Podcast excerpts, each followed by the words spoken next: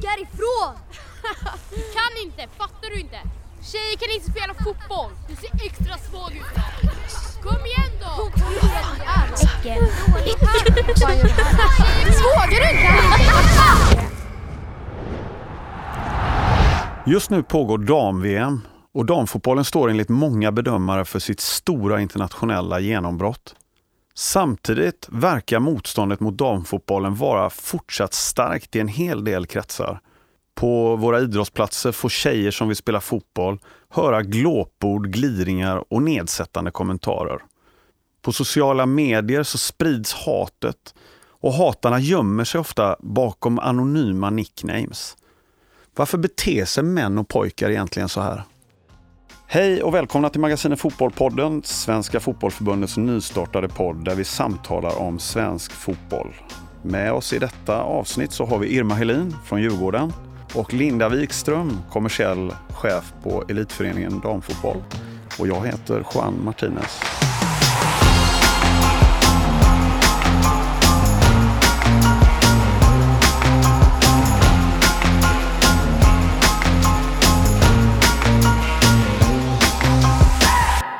Ja, Irma, du hörde vad som sades här i början. Usch. Är det så här det låter på våra idrottsplatser? Känner du? Ja, jag känner verkligen igen mig. Jag känner typ kalla kårar genom kroppen och fick flashbacks från när jag, framförallt från när jag var själv var liten. Jag, när jag var sex år började jag spela fotboll och då började jag spela med ett killag. För där jag bodde fanns det inga, inga tjejlag.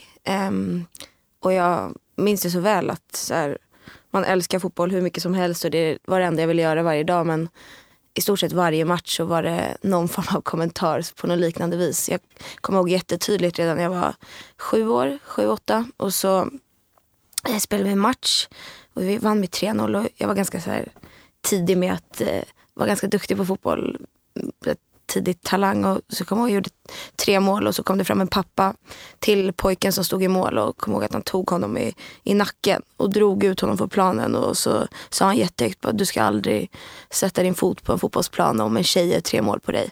Jag kommer ihåg det så tydligt att det satte lite så här eh, ribban över min syn på på att man var tvungen att fightas mot det här redan tidigt. Um, så ja, igenkänning gånger tusen. Mm. Linda, det klippet vi hörde här är ju hämtat från EFDs kampanj eh, Lägg en avgörande straffspark. Eh, vad var tanken med, med satsningen, Linda? Det som vi gjorde var ju att vi vann Järnhusen som äger centralstationen. Vi vann deras pris som heter Järnspiran. Vilket gjorde att vi hade möjligheten att kunna vara på centralstationen en vecka. En hel vecka. Och när man får den möjligheten så ville vi verkligen beröra. Vi ville visa på något hur det faktiskt är där ute idag. Eh, precis som Irma beskriver. Men vi ville ju inte, vi byggde den här kuben som var nio meter eh, där folk fick gå in och lägga sin straffspark. Det var ju inte så mycket straffsparken som var saken utan medan fick du ju på dig på hörlurar. Och där du fick höra de här glåporden och när visslan då ljuder så ska du då lägga straffsparken. Det var många som missade för att du blev mer tagen av det. Men det vi också ville visa var ju på att trots det här så är det 120 000 tjejer som spelar fotboll i Sverige. Mm. Och utanför på kuben så visade vi axplock ifrån eh, vad klubbarna jobbar med helt enkelt.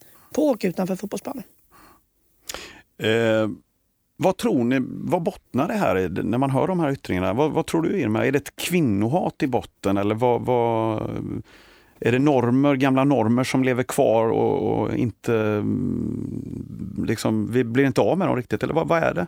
Mm, alltså jag tror främst att eh, mycket handlar om hur vi från början uppfostrar våra barn. För jag kan bara relatera till i det här pojklaget som jag spelar i att mina egna lagkamrater, de var ju världens finaste pojkar och deras föräldrar eh, behandlade mig som vilken annan spelare som helst. Men i motståndarlagen som inte hade en tjej i sitt lag och inte fick den här grunden att se liksom på tjejer hur de kan och, och vill.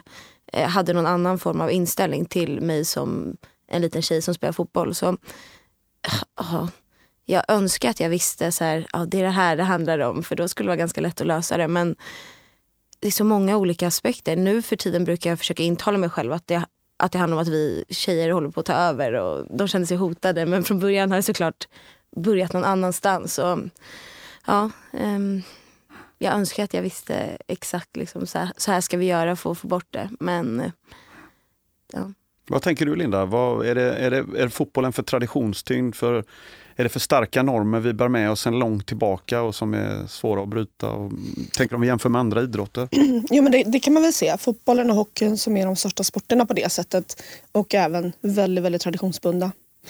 Vi hade ju många lärare som kom till oss i den här kuben och sa att vi känner igen det här så väl. Det här måste vi jobba med, som Irma säger. Så jag tror att det här jag tror det handlar om att hur vi pratar om en tjej och en kille redan från början. Alltså det, killarna är coola och tjejerna är söta. Mm. Um, så att jag tycker att det är för enkelt att säga att det skulle vara fotbollens fel. Utan jag tror att fotbollen kan vara verktyget för att det här kan motas bort. Ja. Eftersom att um, jag tror att det handlar om normer över, alltså, och att vi på något sätt accepterar det. Eh, med så mycket annat som vi också kan höra på runt en fotbollsplan som vi inte tycker är okej i andra sammanhang. Mm. Men här är det på något sätt accepterat. Mm. Um, och det är väl just den acceptansnivån som kanske... Sen är väl samhället ganska i övrigt också. Att vi idag, liksom, oavsett om det är på nätet eller fysiskt, faktiskt inte kanske inte har så jättemycket respekt mot varandra. Men jag tror precis som Irma att det här är någonting vi, vi måste tänka på hemma vid köksbordet. Hur vi beter oss, vad vi säger, vad vi Sådär. Ja, men det är såklart som du är inne på. Det är strukturer i samhället som vi har i stort och sen avspeglar det sig i liksom, fotbollen. Jag tror att det, varför, om man jämför till exempel med en friidrottare eller en tennisspelare och alla individuella idrottare så känns det som att typ pojkar och män i grupp känner sig hotade i lagidrotter när tjejer i grupp och tjejer liksom också gör bra ifrån sig. Men som Linda är inne på, att det sätter ju en självkänsla jättetidigt för en, en liten pojke och inte minst för en tjej. Så här, ja, av dig förväntas det här, äh, du ska ställa dig upp när du ramlar. Av dig förväntas det här, vi gullar med dig när du ramlar. Um, så exakt så, hemma vid matbordet börjar jobbet stenhårt. Jag tänker också, är det ett problem att, att fotbollen har så extremt många självutnämnda eh, tränare och förbundskaptener runt om som sitter i sofforna och tycker till och det, jag tror aldrig jag har hört någon i ett skidspår till exempel stå och peka på en tjej och säga fy fan vad dålig, vilken dålig teknik du har. Nej. Alltså, eh, och, och, det går ju att bedöma tekniken hos en längdskidåkare med, eller hur? Men, men när vi kommer till fotboll så är det som att alla har en åsikt om precis varje detalj. Håller ni med? Eller? Ja men absolut, så är det ju. Det är ju alla de här fantastiska duktiga som man själv också ska vara, kan vara på soffa, i soffan. Eller, och det är väl också det som engagerar och berör såklart. Alltså det är därför du är engagerad och varför vi, vi är den största sporten. Um, men det har ju naturligtvis sina nackdelar. Och återigen, att inte, liksom, det här att inte sägs ifrån. Vi ryter inte ifrån till varandra när sådana saker... Utan man liksom, det är lite så här, ja men det är ju lite, hör ju lite till att, jo men du vet, i stundens hetta, mm. då, då är allting liksom, det är lite egna lagar och regler liksom. Ja. Och att alla är ju så otroligt experter på vem som kan eller inte spela fotboll. Bär man något ansvar för att det ser ut som man gör från tjejsidan? Skulle man kunna gjort mer? Mm. Skulle man kunna varit tuffare och tagit plats tidigare? Eller vad, vad tänker ni om det? Alltså jag har ju en bestämd bild när det kommer till den här frågan och jag vet inte hur många gånger jag har fått höra från killkompisar eller andra män i samhället som bara, ja men ni måste ju vara lite starka och visa framfötterna. Och man bara, nej men snälla vi kämpar ihjäl oss. Um, jag vet inte hur många gånger jag sitter med mina tjejkompisar, och lagkamrater och bara, okej okay, men hur ska, vi, hur ska vi hjälpa de unga spelarna som är på uppgång nu? Och hur ska vi förbättra miljön för dem och för oss själva? Och det är så många tjejer som gör så himla mycket. Men jag tycker det som är kvar är att liksom alla män ser sitt ansvar i det här. Och förstår att hela världen blir bättre av att alla mår bättre. Och det ja, självklart att alla människor har ett ansvar men jag tycker att tjejer och kvinnor tar det ansvaret och känner man så här, jag kanske orkar sitta i Nyhetsmorgon och prata om jämställdhet men min kompis hon kanske inte klarar av det för att hon inte känner att hon, ja det är kanske är läskigt och det ska vara okej också. Jag tycker inte att man ska vara tvungen till att ta de här fighterna och ta de här frågorna för det är jättejobbigt och man känner sig jätteblottad. Jag kan sitta i liksom Europa League-studion igår och prata om fotboll i fyra timmar och känna mig så hemma. Men så sitter jag en halvtimme i Nyhetsmorgon och pratar om så viktiga frågor som jämställdhet och mår dåligt i tre dygn för att det är så himla blottande. Liksom. Så ja, männen får hjälpa till. Det finns ju de som är, jag tänker, Linda, om vi tittar på den kommersiella sidan och, och intäkter och allt det här, när vi pratar om ekonomin, så här, det finns ju de som är väldigt krassa och säger att nej men produkten är inte lika bra. Så enkelt är det. Vi, de, de kan inte förvänta sig att behandla det som männen på samma sätt. Vad, va, vad tänker du då, eh, Linda? Vi märkte det när vi gjorde den här eh, kampanjen bland annat så körde vi den även digitalt. Eh, vi gjorde tillsammans med OBOS en sak till internationella kvinnodagen som man pratar om varför kan det inte vara samma möjligheter. Ingenstans så pratades det ekonomi. Men kommentarerna var varför ska de ha lika lön? Och vi pratade inte ens lön i de delarna. Det handlade om träningstider eller möjligheter eller till att ja, kunna få livnära sig på sin fotboll.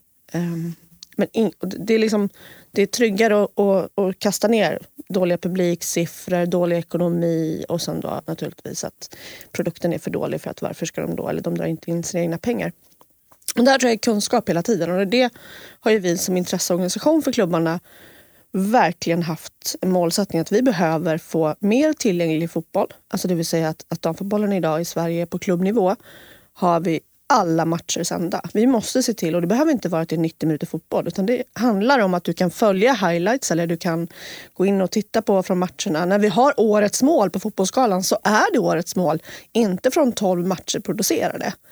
Så det handlar också om att överbevisa det där hela tiden.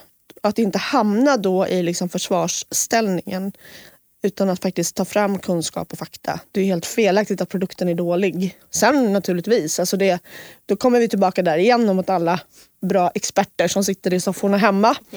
Yeah. Eh, så de får väl tycka vad de vill. Så att säga. Det, det kan vi inte heller liksom slå, slå i huvudet på folket. Så du måste tycka damfotbollen är den mest fantastiska produkten på jorden. Däremot så kan vi faktiskt överbygga det faktiskt med, med kunskap och fakta istället för att liksom bli eh, martyrer. Ja. Men på tal om det du säger så är det också märkligt hur många män som känner behovet av att uttala sig om hur dåligt damfotboll är. Ja det är häpnadsväckande. Jag tycker inte bowling är skitkul och jag, det finns massa grejer jag inte tycker är jätteroligt att kolla på.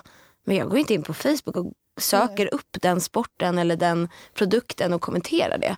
Det känns ofta som att det är män som haft en dröm om att bli fotbollsproffs men aldrig blev det. Och då måste de peka finger åt något håll. Man ser sällan så framgångsrika killar och fotbollsspelare bara damfotboll det är en dålig grej. Utan det, jag tror det finns någon bitterhet bakom hatet. Ska man ta fighten i de eh, tillfällena? Jag, tänkte, jag, jag träffade Anna Anvegård här för ett tag sedan och så berättade hon, eh, hon retweetade en bild från spanska kuppfinalen och genast kommer det kommentarer. Och Anna Anvegård är ju, upplever jag, en ganska balanserad och lugn tjej. Hon, hon blev förbannad och svarade då mm. och hamnar i en sån här tråd och, eh, med en anonym människa. Är det värt det? Liksom? Ska man ta de där fighterna jämt eller hur, hur gör du Irma? Mm, det är lite från dag till dag. Ibland känner jag mig jätte, jättesugen på att gå in och liksom svara men det finns ju dagar då man så här, ah, känner dels ibland typ att jag orkar inte idag. Eh, jag känner mig trött och ibland känns det hopplöst för vissa vill inte förstå utan vill bara se det negativa i diskussionen. Men eh, om du orkar så gör det. Eh, men det är inget krav att orka. Jag, jag kan tycka det är ibland jobbigt, ibland kul, ibland utmanande. Och eh, framförallt ofta tycker jag att det är viktigt och nyttigt att våga säga min åsikt och våga liksom, visa att eh, människor har fel. Um, jag såg också de där kommentarerna på Annas Twitter och jag, jag retweetade också och fick så här, ja men det var gratisbiljetter och massa. Okej, okay, det är fortfarande, oavsett det är 50 000 som går och kollar på damfotboll som enligt dig ingen bryr sig om. Det är ingen som har tvingat människor att gå till den här matchen. Uh, ser du på det sättet istället för att sitta i din lilla stuga och uttala dig om hur dåligt det är. Typ. Linda, hur ser man från, från EFDs sida på, eh, går ni ut med någon policy? Eller liksom, hur, hur gör ni när, när ni märker att det stormar kring någonting? Går ni ut och bemöter? Är det, kommer det pressmeddelanden eller vad gör ni? Liksom, är ni aktiva i sociala medier? Och, men jag tycker vi, vi är aktiva, men det är väl som Irma säger att man måste hela tiden tänka på, ska vi ta fighten också? För att vad lägger vi energin på? Eh, vi vet ju också att de som skriver de här kommentarerna, det de vill ha är ju också ett mothugg. Det blir ju liksom en liten prestige i deras Men när det kan blåsa ordentligt, ett så plockar ju vi bort ifrån våra sociala medier när det är så pass. Alltså att, att någon skriver att eh, ja men det, det ska vara mer jämställt eller att varför tjatar ni om lönerna? Det, då kan man inte gå runt och plocka bort allt sånt. Men när vi känner att det kan gå till en gräns där det faktiskt inte är okej, okay, som vi bestämmer över på vilket sätt vi vill att det ska se ut i våra sociala medier, så plockar vi bort det. Eh, vi har ju också varit med om där eh, tjejer har tagit debatten och har fått hot. Och där jobbar ju vi, försöker vi ta kontakt med den personen och liksom stötta och hjälpa och i så fall liksom hänvisa till att en polisanmälning om det skulle vara så. Men det känns verkligen som att ni har, eller jag som spelare kan tycka det att ni har varit väldigt duktiga på att, eh, att bygga en grund och ett synsätt som gör att man känner sig trygg som spelare tycker jag. Och det har smittat av sig på klubbarna också. För när jag var i Djurgården från början och var liten då var det så många saker som skedde som inte var okej. Eh, inte alls liksom. Och det skedde ingenting. Utan jag bara fick acceptera det och borsta av mig det fick man ju höra så. Men sen jag kom tillbaka till Djurgården så har det skett så mycket och det finns ett jämställdhetstänk som är helt annorlunda. Och vi har en kille som heter Filip som jobbar i Djurgården och får jag, jag får ganska mycket på sociala medier. Då är så här, skicka en printscreen till honom så tar han hand om det och man vet var man ska vända sig. Och det tycker jag verkligen man har EFD att tacka. Att de har byggt eh, en grund och eh, fått ut det till klubbarna. Um, så. För det är, det är ju olika sorters hat med kan man känna. Och alltså det är ju inte, det är inte bara det här eh, liksom, tjejer kan inte spela fotboll och en, en misogyn inställning kanske till kvinnors eh, roll i, i, i, idrotten. Då. Utan det är ju även det här rent sexistiska som kommer många gånger förstår jag, som, som ju många tjejer är utsatta för. Både eh, alltså yngre tjejer som inte har nått elitnivån som du Irma, men även ni framförallt som är exponerade på elitnivå, syns och, och är, är mediala. Mm. Vad, vad, är mest förekommande upplever ni? Eh, vad, vilken typ av hat och misogyn inställning är det mest eh, som ni stöter på? Det där tror jag är lite från person till person. När jag pratar med det med mina lagkamrater så är det vissa som aldrig har fått ett sexistiskt meddelande på sina sociala medier. Eh, men varenda en har hört att eh, tjejer inte kan spela fotboll till exempel. Men det, jag tror också hur man exponeras som person. Till exempel jag som står i studion nu och pratar om fotboll efter finalen igår, då är det så här, 90 procent är oh, vad duktig du är på att prata fotboll, jätteimponerande, lalala. Men sen finns den här procenten som bara Fan vad sexig du är i studion. Typ så här grejer som jag tror aldrig Henok som står bredvid mig får de meddelandena. Så eh, jag blir bara asprovocerad och de där sakerna går jag igång på så mycket. Men generellt tror jag definitivt att det är vanligare med de här oh, tjejer kan inte spela fotboll och ni borde inte spela fotboll. Ni, damfotboll suger, det är skittråkigt. Lala. Det kan jag nästan skriva under på att varenda damfotbollsspelare fått höra oavsett om man är en liten tjej eller vuxen. Eh, men det andra är vanligt förekommande också. Linda, när ni körde kampanjen på Centralen så förstod jag att en målgrupp eh, som ni ville få in i kuben, det var just unga tonårskillar. Och, och ni lyckades ganska bra där. Ja, precis. Det gjorde vi. Först så tänkte vi så här, hur ska vi få in dem? Och går man in i en kub och drar för och sätter på sig hörlurar i mörker. Liksom. Eh, men det, det gick ju ganska bra. För att straffspark och en boll, det eh, lockar ju jättemånga 16-åriga killar ska jag säga. Speciellt att de skulle visa upp sig ganska starka och hur hårt de kunde skjuta och sådär. Så att, och det, jag kan säga att vi var förvånade till att vi fick just den målgruppen. Och vi fick, de stannade också kvar och pratade. Så man gick inte liksom bara in utan man... Eh, där, där var det ju väldigt få som började reagera negativt. Så det var väl någon som sa att det, det här är ett jävla skit helt enkelt och gick därifrån. Liksom. Så, men eh, det var ju killar som, som verkligen blev chockade själva och väldigt illa berörd och kom på att jag gjorde ju det här. Jag gjorde ju det här i, liksom, i i lördags. Jag gick och skrek att jäkla sopor. Så, Jaha, var det dålig match? Nej, jag tittade inte på fotbollen men det var tjejer som spelade fotboll. och det, var, det är precis det vi vill ha eh, och vill eh, diskutera hur det här kommer. Att du får det här mindsetet till att det är klart att det inte är okej. Okay. Men det, för att backa lite till det Irma sa också att det är viktigt i det här arbetet att vi tillsammans det visar en stolthet vad man gör. Alltså, oavsett om du är klubbledare, ordförande i en styrelse eller om det är en intresseorganisation, om du är spelare så måste vi visa tillsammans att du ska vara stolt över att du är i damfotbollen.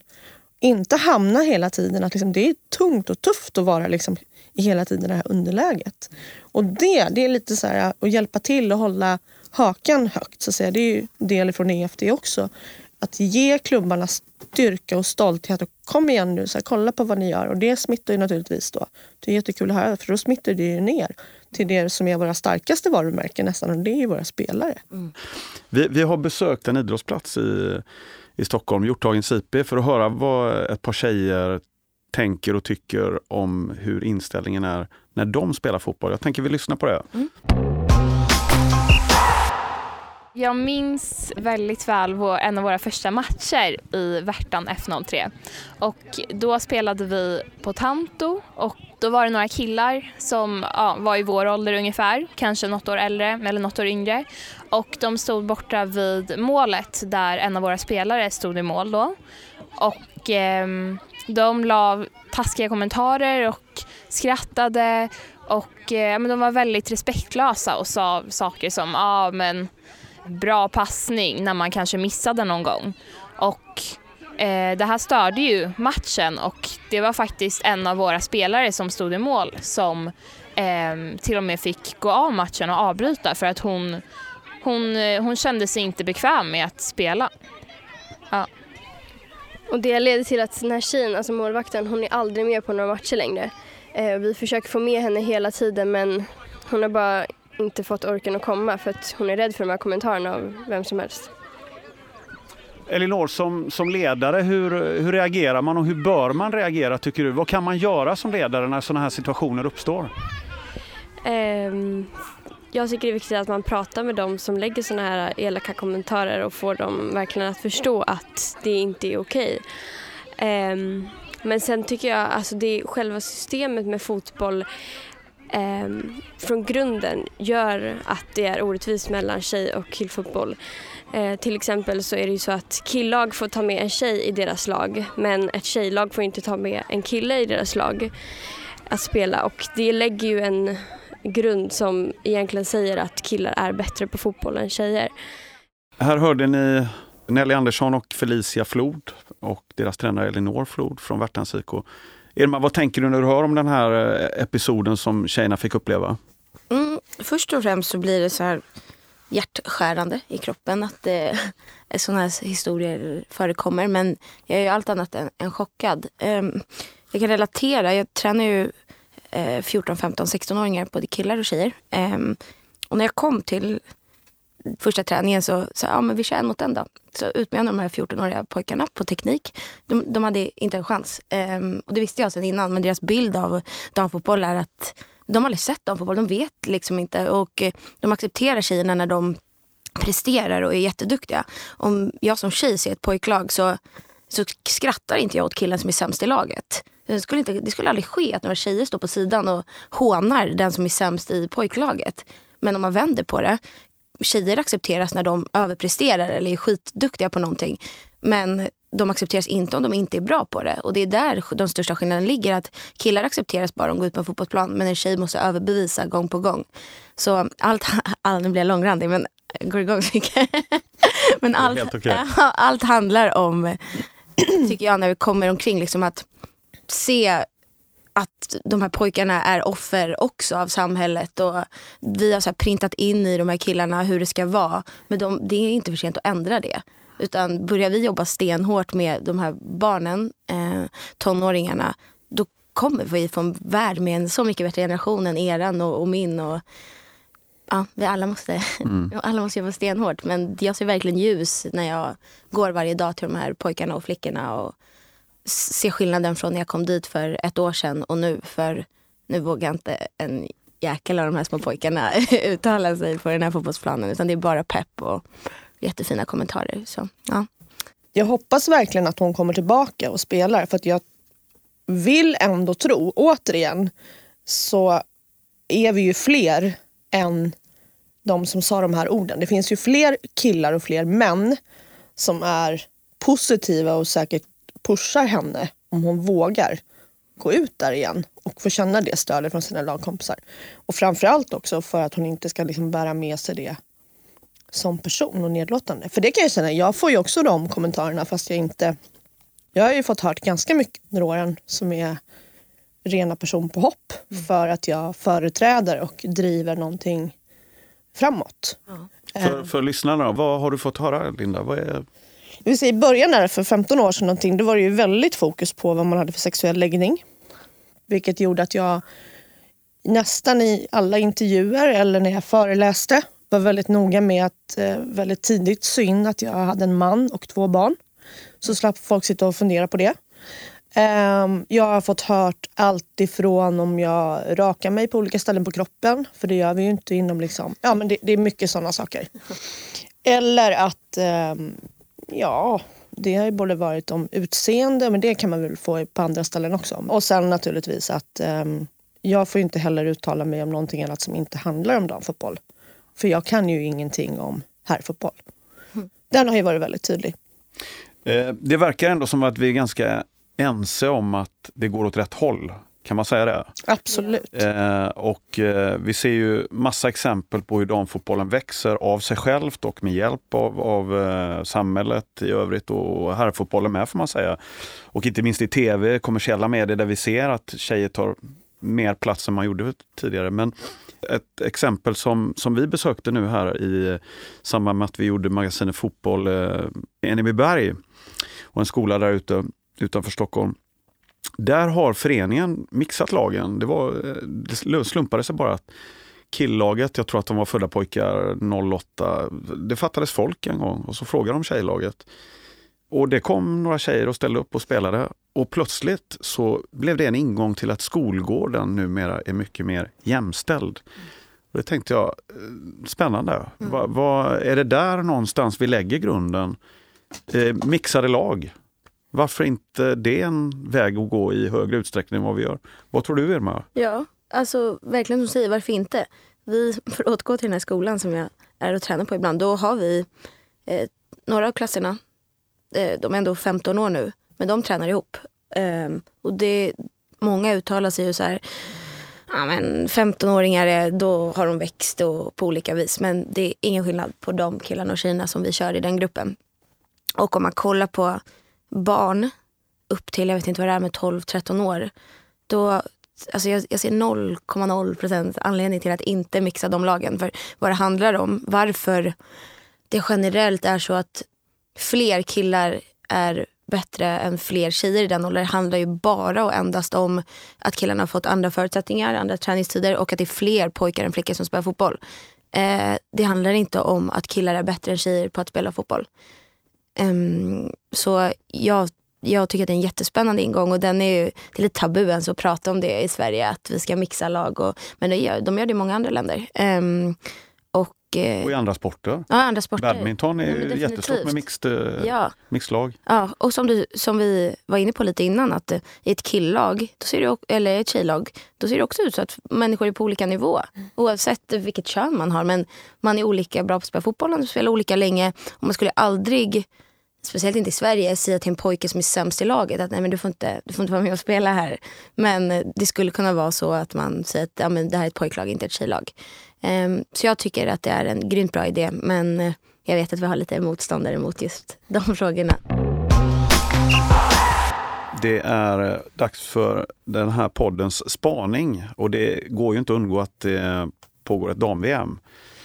Flera nationer är på enorm frammarsch. Vi har ju haft eh, ett svenskt landslag som alltid varit framkant, ofta tippat som favoriter och nu känns det som att vi inte längre är det riktigt. Hur ska vi stå oss här Linda i, i, på nationell nivå mot de här nya länderna som kommer? Asien, Spanien, Balkan. Vad tänker du? Det, är ju, det här är ju verkligen ett jättestort arbete. Dels för att vi ska se till att tjejer fortsätter att spela fotboll. Så att vi, har liksom, vi- vi, är ju unika i vår bas med alla tjejer som spelar.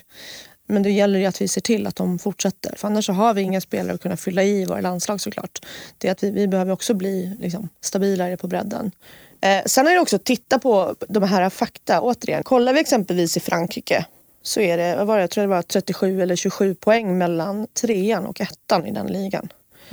Vilket gör att det finns ju ingen liksom inhemsk, det finns ju Lyon och PSG då, och sen så Montpellier har liksom nästan 30 poäng ner. I Sverige har vi en liga som eh, innan nu VM-uppehållet faktiskt har sex lag inom tre poäng. Det skapar ju något. Så frågan är var vi liksom finns. Det är klart att vi ska sträva efter att stå oss. Eh, landslagsnivå får jag väl lämna till Marika och Lili och, och, och diskutera. Men det är ju självklart att det är klubbarna som, som skapar möjligheterna till att det ska finnas landslag så att säga. Det är ju så vi har konstruktionen i Sverige. Det är klubbarna som utvecklar och, och driver de här spelarna. Jag tänker så här, svensk fotboll har antagit eh, en hel del beslut kring verkligen så många som möjligt, så länge som möjligt och det här att vi ska försöka få barn och ungdomar att fortsätta spela länge och då har fotbollen sagt nej till tidig selektering, toppning och de här typerna av då som vi betraktar som art, avarter då inom fotbollen. Eh, däremot vet jag att i Spanien är det ju jättetidig selektering. Eh, Irma, vad, vad, tänker du kring det här? Nu, nu går ju sådana nationer framåt där man kanske eh, plockar ut de mest talangfulla tidigt och, och, och, så ser man lite framgång där. Är det, tänker du, ska vi ta efter det här eller? Jag tror att vi kommer få acceptera att det finns ekonomi och det finns andra tillvägagångssätt i andra länder som gör att vi kanske hamnar efter när det kommer till prestation anledningen till att vi ligger så långt fram i Sverige är att som Linda var inne på, vi har fått spela fotboll väldigt, väldigt länge och om man kollar i samhället stort så har vi kommit betydligt längre i vårt jämställdhetstänk än till exempel Italien och många andra länder. Och därför har vi haft lyxen att så himla många har spelat fotboll. Men det är också det vi måste bevara. Att eh, vad är vår spetskvalitet i Sverige? Det är att det är så himla många tjejer som får spela fotboll det är det absolut viktigaste. Jag tror inte vi ska förändra någonting i vårt sätt att bygga. jag älskar att vi bygger grunden med, vi har breddlag, vi har spetslag, vi har flickor som spelar. Och det, det är så vi kommer liksom bevara mark på marknaden. Eh, och utnyttja att vi är i alla fall ett så pass jämställt land att eh, till exempel i Piteå så är det fler tjejer än killar som spelar fotboll. Och det, så kommer det inte vara i Spanien eller England eller i Frankrike. Det kommer aldrig ske. Men i, i Sverige kan något sånt ske. Så bevara bredden, bevara bredden. Men det som är viktigt att titta på också det är att verkligen mer satsas på utbildningen, alltså spelutbildningen då, för unga tjejer. Mm. Eh, jag vet att Stockholm Fotbollförbund gjorde en rapport för några år sedan som heter Stockholms diamanter. Mm. Och där tittade man på utbildningsnivån på en tränare för pojkar 14 då, kontra flickor 14. Där tränaren har för flickor 14-laget har en lägre utbildningsnivå än pojktränaren. Då. Och här är en jätteviktig sak för att vi vill ju ändå ha landslagen. Vi vill ju såklart ska vi vara uppe i eliten. Då måste vi se till att vi har en utbildning som är bra. Det behöver inte handla om selektering. Det behöver inte handla om liksom tidiga matchningar eller sådana, att, att man toppar. Det handlar om en ren del, att, att tjejerna ska få eh, möjlighet till en bra liksom, utbildad ledare. Vi vet också att en av de frågorna som gör att tjejer slutar är ledarfrågan. Betydligt högre upp kommer den på liksom en av anledningarna till att man inte tycker att ledaren eller tränaren... Liksom. Utan här måste ju klubbar runt om i Sverige, eh, även breddklubbar som har flickverksamhet, se till att utbildningsnivån liksom är tillfredsställande för. För annars så blir glappet för stort för tjejer när de väl kommer upp i eliten. Nu eh, spelas VM här i dagarna och eh, man brukar alltid fråga hur går det i VM. Jag tänker tänka lite längre fram. Kommer vi med samma självklarhet nå VM på sikt på damsidan? Eller kommer damfotbollen i Sverige bli som herrfotbollen? Att yes, vi gick till VM eh, och kan vi ta oss till kvartsfinal vore det en fantastisk prestation. Vad tror ni där? Vi är ett litet land. Vi har inte så stor befolkning. Eh, det, det, någonstans vore det naturligt att att större nationer passerade oss på sikt i och med att deras utbud kommer vara större av spelare? Ja men det är klart. Jag tror att det nästan är självklart att det kommer bli en, en starkare konkurrens. Det, jag ändå, tror ändå att vi, vi kommer att vara kvar där. Däremot, ja absolut så kommer det bli starkare motstånd. Mm. Eh, eller motstånd, ja. Mm. Jo, det blir det. Konkurrens. Konkurrens, tack. Mm. Eh, och att det... Och det kanske också, det gör ju att vi, vi behöver liksom se om hemmaplan. Mm. Helt klart. Men jag tror inte lösningen återigen är att vi ska göra någon sorts tidig matchning. Jag tror att då hamnar vi tillbaka där vi började mm. eh, diskussionen. Att då tror jag att vi liksom tar bort hela våran våran eh, föreningskultur och identitet. Absolut. Jag är rädd att vi någon dag kommer se tillbaka på den här tiden utan att hunnit njuta av det och bara som så här fin kärleksstory. Att så här, en gång i tiden hade vi typ världens bästa damlag. Och det finns alltid tendenser att när man inte har det, då, då vill man ha det. Men när man har det så är det inte lika viktigt längre. Mm. Och eh, jag, jag tar själv när jag, jag reser väldigt mycket och när jag åker utomlands då så här, ja, vad jobbar du som? Jag jobbar som fotbollsspelare. Ja, ni är grymma i Sverige, tjejer. Och när man åker utomlands då får man sån enorm respekt och bara, fan vad coolt, du spelar fotboll i, i Sverige. Liksom, ni har ju världen, ni är grym liga, ni är ju grymma på damfotboll. Just. Vi, det är så här signifikativt att man måste ut från Sverige för att bli respekterad på det sätt vi förtjänar. Men för att knyta an till det här om vi kommer bevara att vara ett av eh, världens bästa länder? Ja, det tror jag definitivt. Och jag tror att det handlar om att vi har en kultur som vi, vi har jobbat, Sten ni och vi och alla inblandade har jobbat så länge för att nå så här långt. Och vi har en grund att stå på som många länder inte har. Um, så definitivt konkurrens kommer bli hårdare men det kommer gynna oss också. Det är självklart att små tjejer kommer inte som jag när jag var liten satt och tänkte på fan vad coolt att spela fotboll i Djurgården. Utan de kommer att tänka fan vad coolt att spela fotboll i Barcelona, vad coolt att spela i Manchester City, vad coolt att spela i Chelsea. Så ännu fler tjejer kommer drömma om att bli fotbollsproffs. Um, vi, vann, vi tog ett OS-silver för inte alls länge sedan. Och det är så här, man får inte glömma att vi fortfarande är otroligt bra. Och bara för att andra länder växer, vi kommer inte stanna upp det kommer bara bli ännu viktigare som Linda är inne på att tjejer ska ha samma träningstider, tjejer ska ha lika utbildade tränare, tjejer ska ha exakt samma förutsättningar. För annars kommer vi se tillbaka på den här kärlekssagan och inte ha tagit vara på att vi var det här landet. Eh, så, mm. Och det tycker jag var en grym avslutning, Irma Helin. Linda Wikström, eh, EFD, Irma Helin, Djurgården. Stort tack för att ni kom och talade om damfotboll och tjejfotboll och fotboll i allmänhet. Och eh, tack alla ni som har lyssnat på magasinet Fotbollpodden. Vi hörs snart igen.